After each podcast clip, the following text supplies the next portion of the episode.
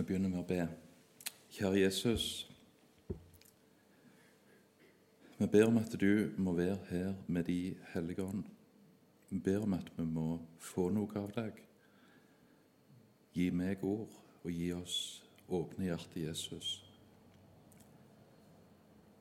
Vi ber om din velsignelse. Amen.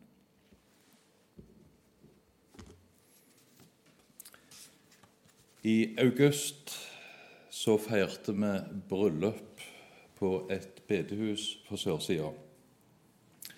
Og framme på veggen i bedehuset så hang der en fin, innramma plakat der det sto 'Det er nok, det som Jesus gjorde'. Og når vi oppsummerte bryllupsfesten og syntes at alt hadde vært bra, så var det plutselig noen som kommenterte at det var et veldig rart sitat som hang på veggen.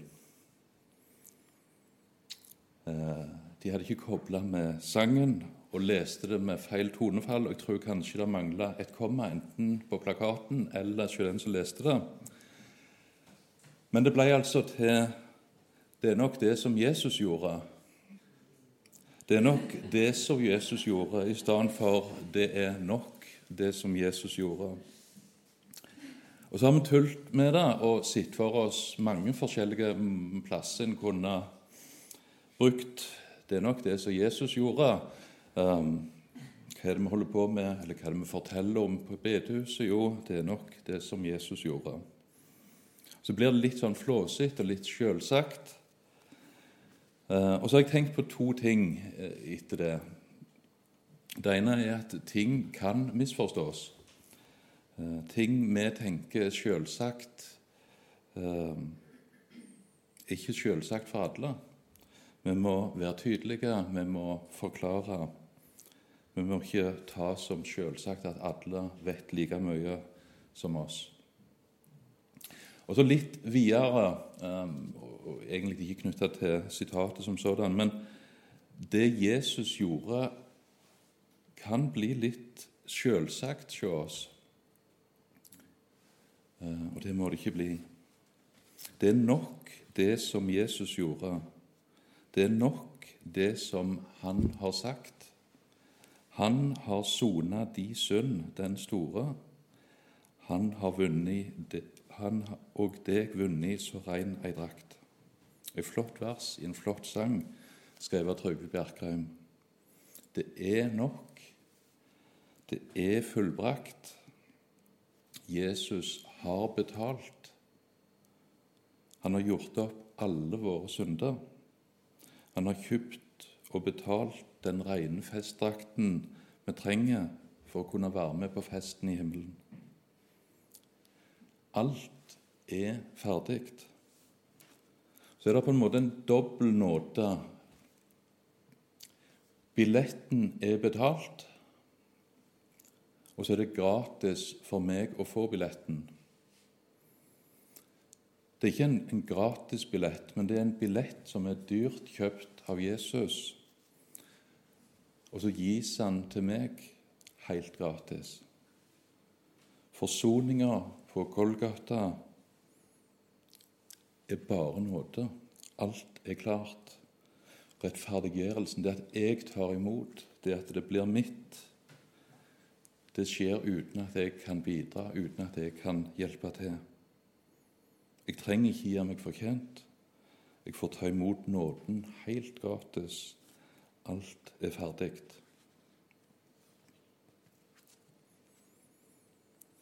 Av og til så leser vi om ting som er nano. Det kan være reklame for nanokosmetikk, eller det kan være maling som har nanoegenskaper. Eller det kan være datamaskiner som har et eller annet som er nano. Og Det er nano en måleenhet. På samme måten som milli og centi og desi, så er nano en sånn en måleenhet på noe som er veldig smått. Nano betyr én milliarddel. Nano en milliarddel. F.eks. et nanosekund er ett milliarddels sekund. Det er ganske godt.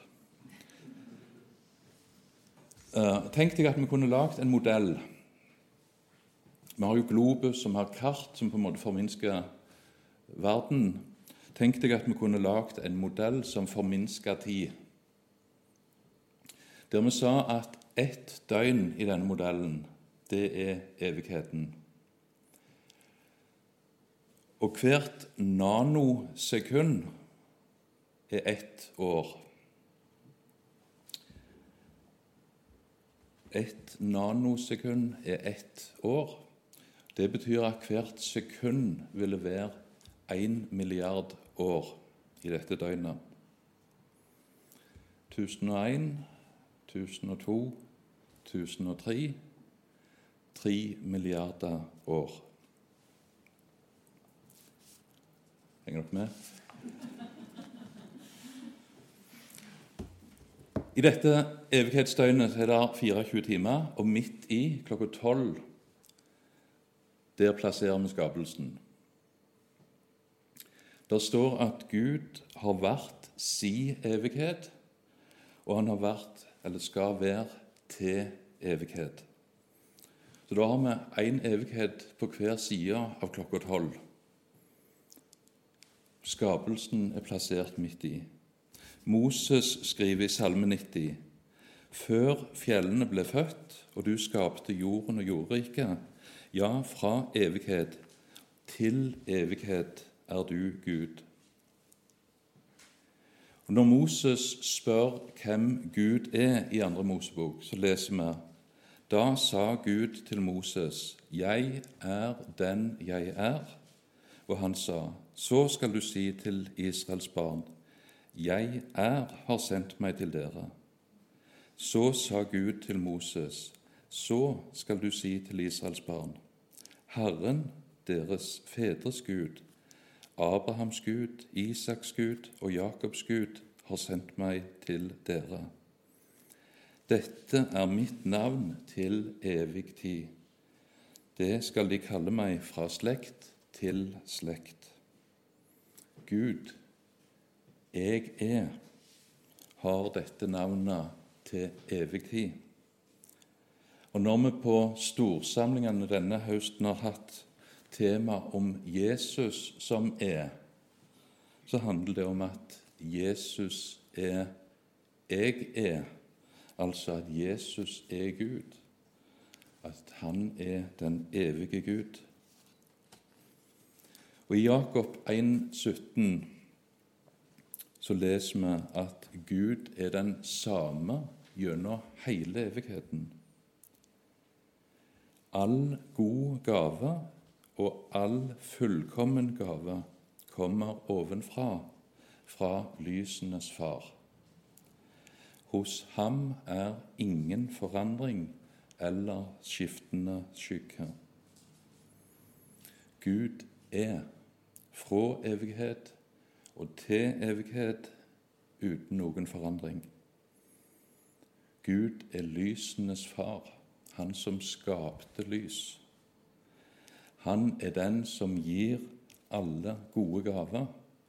Han er den som gir all fullkommen gave.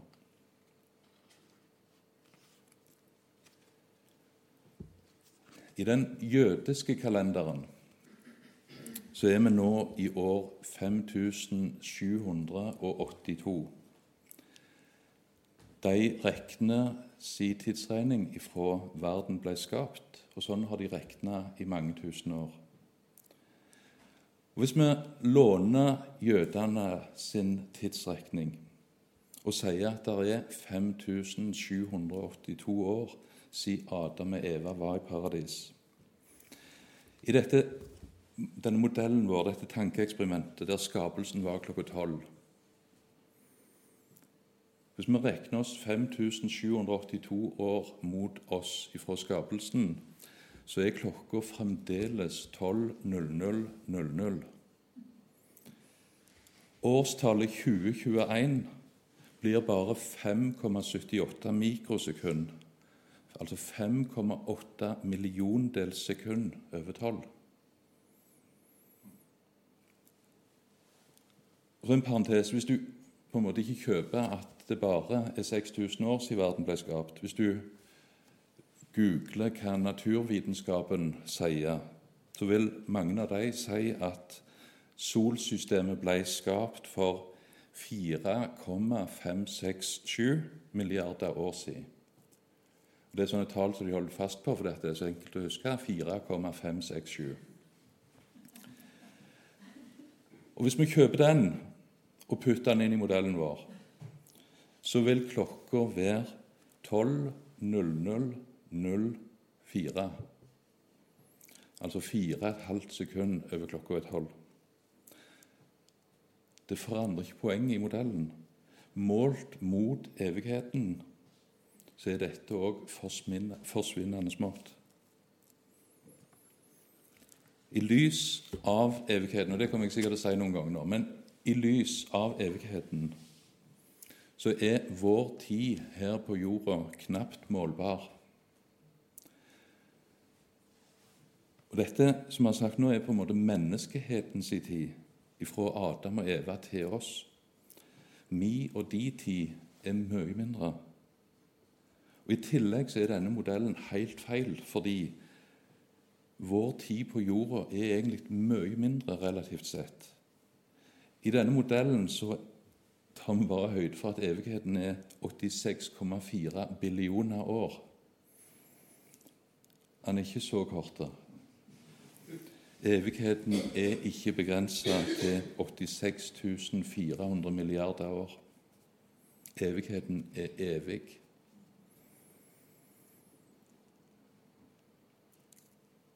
Og Ifra du og jeg ble født, så skal vi være en del av evigheten. Alt har Gud gjort vakkert i sin tid. Også evigheten har han lagt i deres hjerter men likevel kan mennesket ikke forstå det verket gjør, fra begynnelsen til enden. Også evigheten har Han lagt i deres hjerte. Forkynnerne 3.11. Når du og jeg er født, så har vi fått evigheten i gave i hjertet.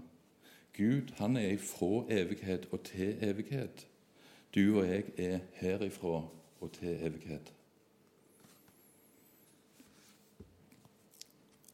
Og i lys av evigheten og hvor stor den er, så tenker jeg det gjør Guds storhet og Guds kjærlighet enda større. Vi blir veldig små målt mot evigheten, men sånn ser ikke Gud på oss. David skriver i Salme 8.: Når jeg ser din himmel, dine fingres verk, månen og stjernene som du har satt der, hva er da et menneske at du kommer ham i hu? En menneskesønn at du ser til han? Du gjorde ham lite ringere enn Gud. Med ære og herlighet kronte du ham. Du gjorde ham til hersker over dine henders verk. Alt la du under hans føtter. I en uendelighet av tid, og ikke bare i tid, men i en uendelighet av rom, Gud ser deg. I Lukas 12 står det at Jesus sier selges ikke fem spurver for to skilling, og ikke én av dem er glemt hos Gud. Men til meg, men til og med hvert hår dere har på hodet, er talt. Frykt ikke, dere er mer enn mange spurver.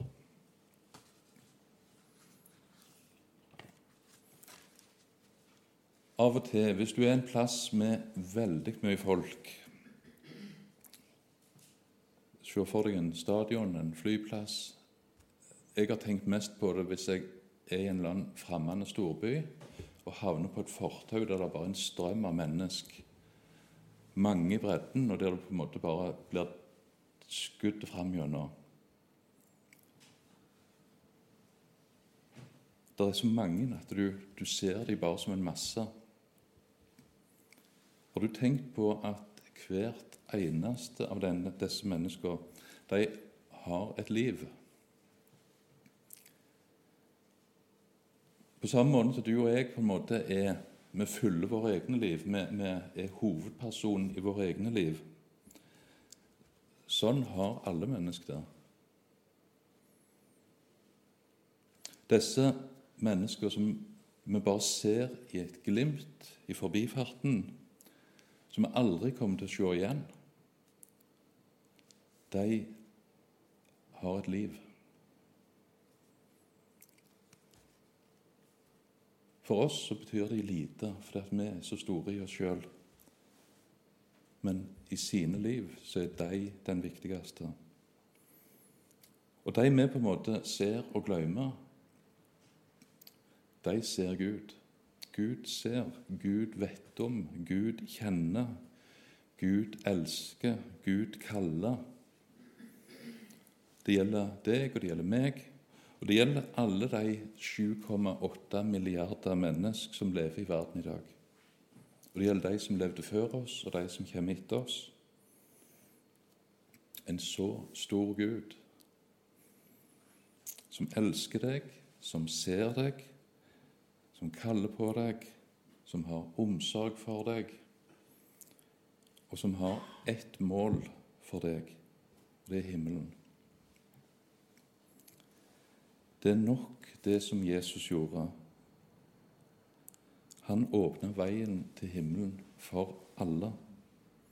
Og så er vårt oppdrag å være med og dele ut disse himmelbillettene gratis til alle.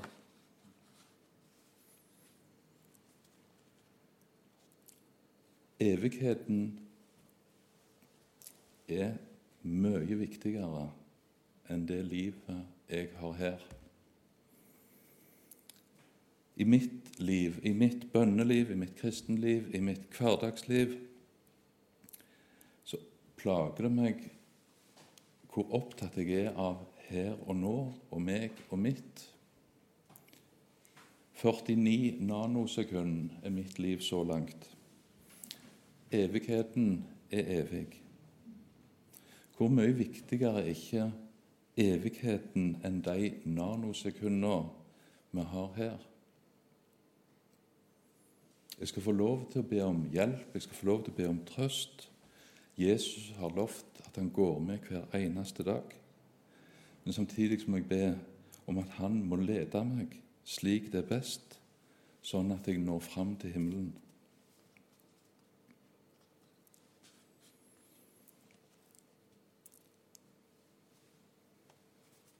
I lys av evigheten igjen.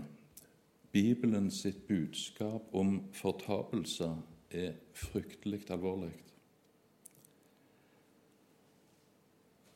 Det er sjelden vi sier noe særlig om fortapelse. Det er ubehagelig, det er vondt. Vi skal lese noen av tekstene. Og En kan av og til få et inntrykk av at Bibelen er vag eller uklar i det en sier om fortapelsen. Men det er feil. Og Av og til kan en få inntrykk av at noen mener at fortapelsen er noe som noen har dikta opp. Men det meste av det vi vet om fortapelsen, er det Jesus sjøl som har sagt.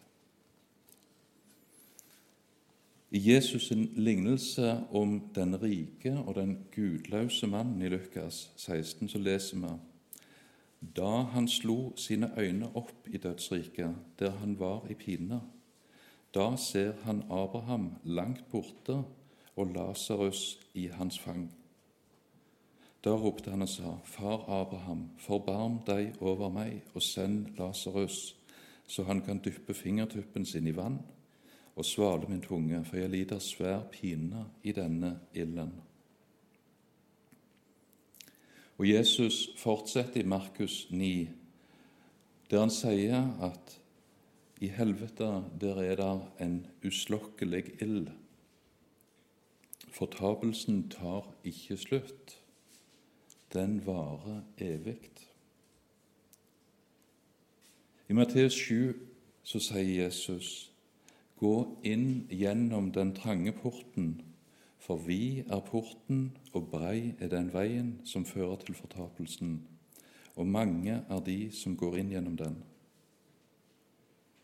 Og I Matteus 10 sier Jesus, Frykt ikke for dem som dreper legemet, men ikke kan drepe sjelen. Frykt heller for ham som kan ødelegge både sjel og legeme i helvete. Fortapelsen er ikke en teori eller en teoretisk mulighet. Det er noe Jesus sier at vil skje. Det er noe Jesus sier at vil ramme mange. Og Det siste verset nå, det er det Paulus som har skrevet i 2. Tessalonikerbrev, kapittel 1.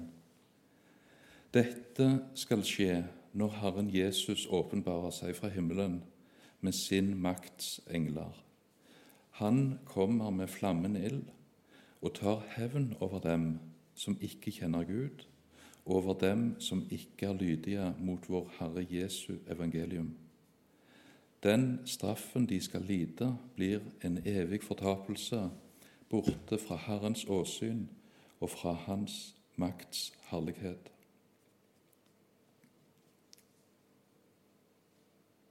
Det er Gud som dømmer. Ja, Det står at Gud skal ta hevn. Hvordan passer det med vårt gudsbilde? Det står at han skal ta hevn over de som ikke kjenner Gud. Det står han skal ta hevn over de som ikke var lydige mot evangeliet.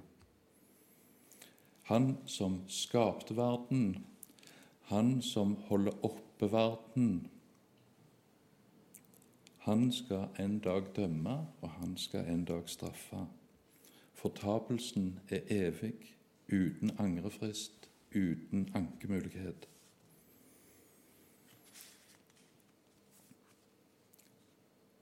Når vi programmerer, så, så setter vi av og til en, det vi kaller en default-verdi. Altså en verdi som er standard hvis noe annet ikke blir definert senere. Hvis du ikke får beskjed om noe annet, så skal du gjøre det som er default. Og hvis noe annet skal skje, så må det defineres. Default-verdien til oss mennesker er at vi er fortapt. Johannes 3 så står det den som ikke tror, er allerede dømt, fordi han ikke har trodd på Guds enbårne sønn, på Guds enbårne sønns navn. I Romerne 3 det er ingen forskjell, alle har syndet og mangler Guds herlighet.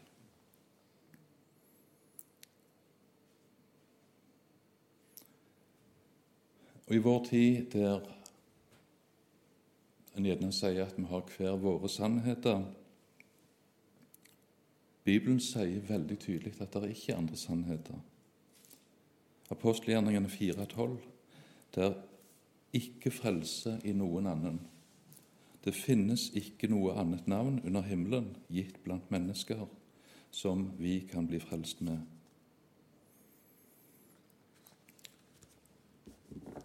Vi har Gud har gitt oss Han har betrodd oss et ufattelig oppdrag.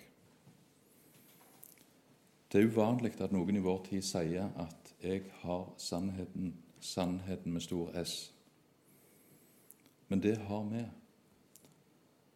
Vi har sannheten med stor S. I Johannes 14 sier Jesus 'Jeg er veien og sannheten og livet'. Ingen kommer til Faderen uten ved meg. Vi er forvaltere av den store sannheten. Vi har fått vite noe som resten av verden trenger. De aller fleste mennesker rundt oss er på vei til en evig fortapelse. Du og jeg vet hva som kan redde dem.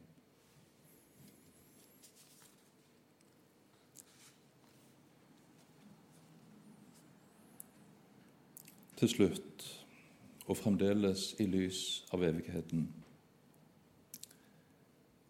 Vi har en rikdom vi verken klarer å beskrive eller ta fullt inn over oss. Det vi har, er så utrolig at vi knapt aner hvor mye vi har fått. Nåde, frelse, utfrielse, renhet, rettferdighet, verdighet, en evighet hos Gud, fred og liv. har vi fått i Jesus. Alt dette har han lagt klart uten at vi har bidratt. Og dette får vi uten noen form for ytelse eller bidrag fra oss. Himmelen er evig. Himmelen er vårt evige, endelige heim sammen med Gud. Fullkommen glede Vi skal møte Gud ansikt til ansikt i et fullkommen kjennskap med Han. Fullkommen trøst, fullkommen kjærlighet, fest, glede, fullkommenhet for alltid.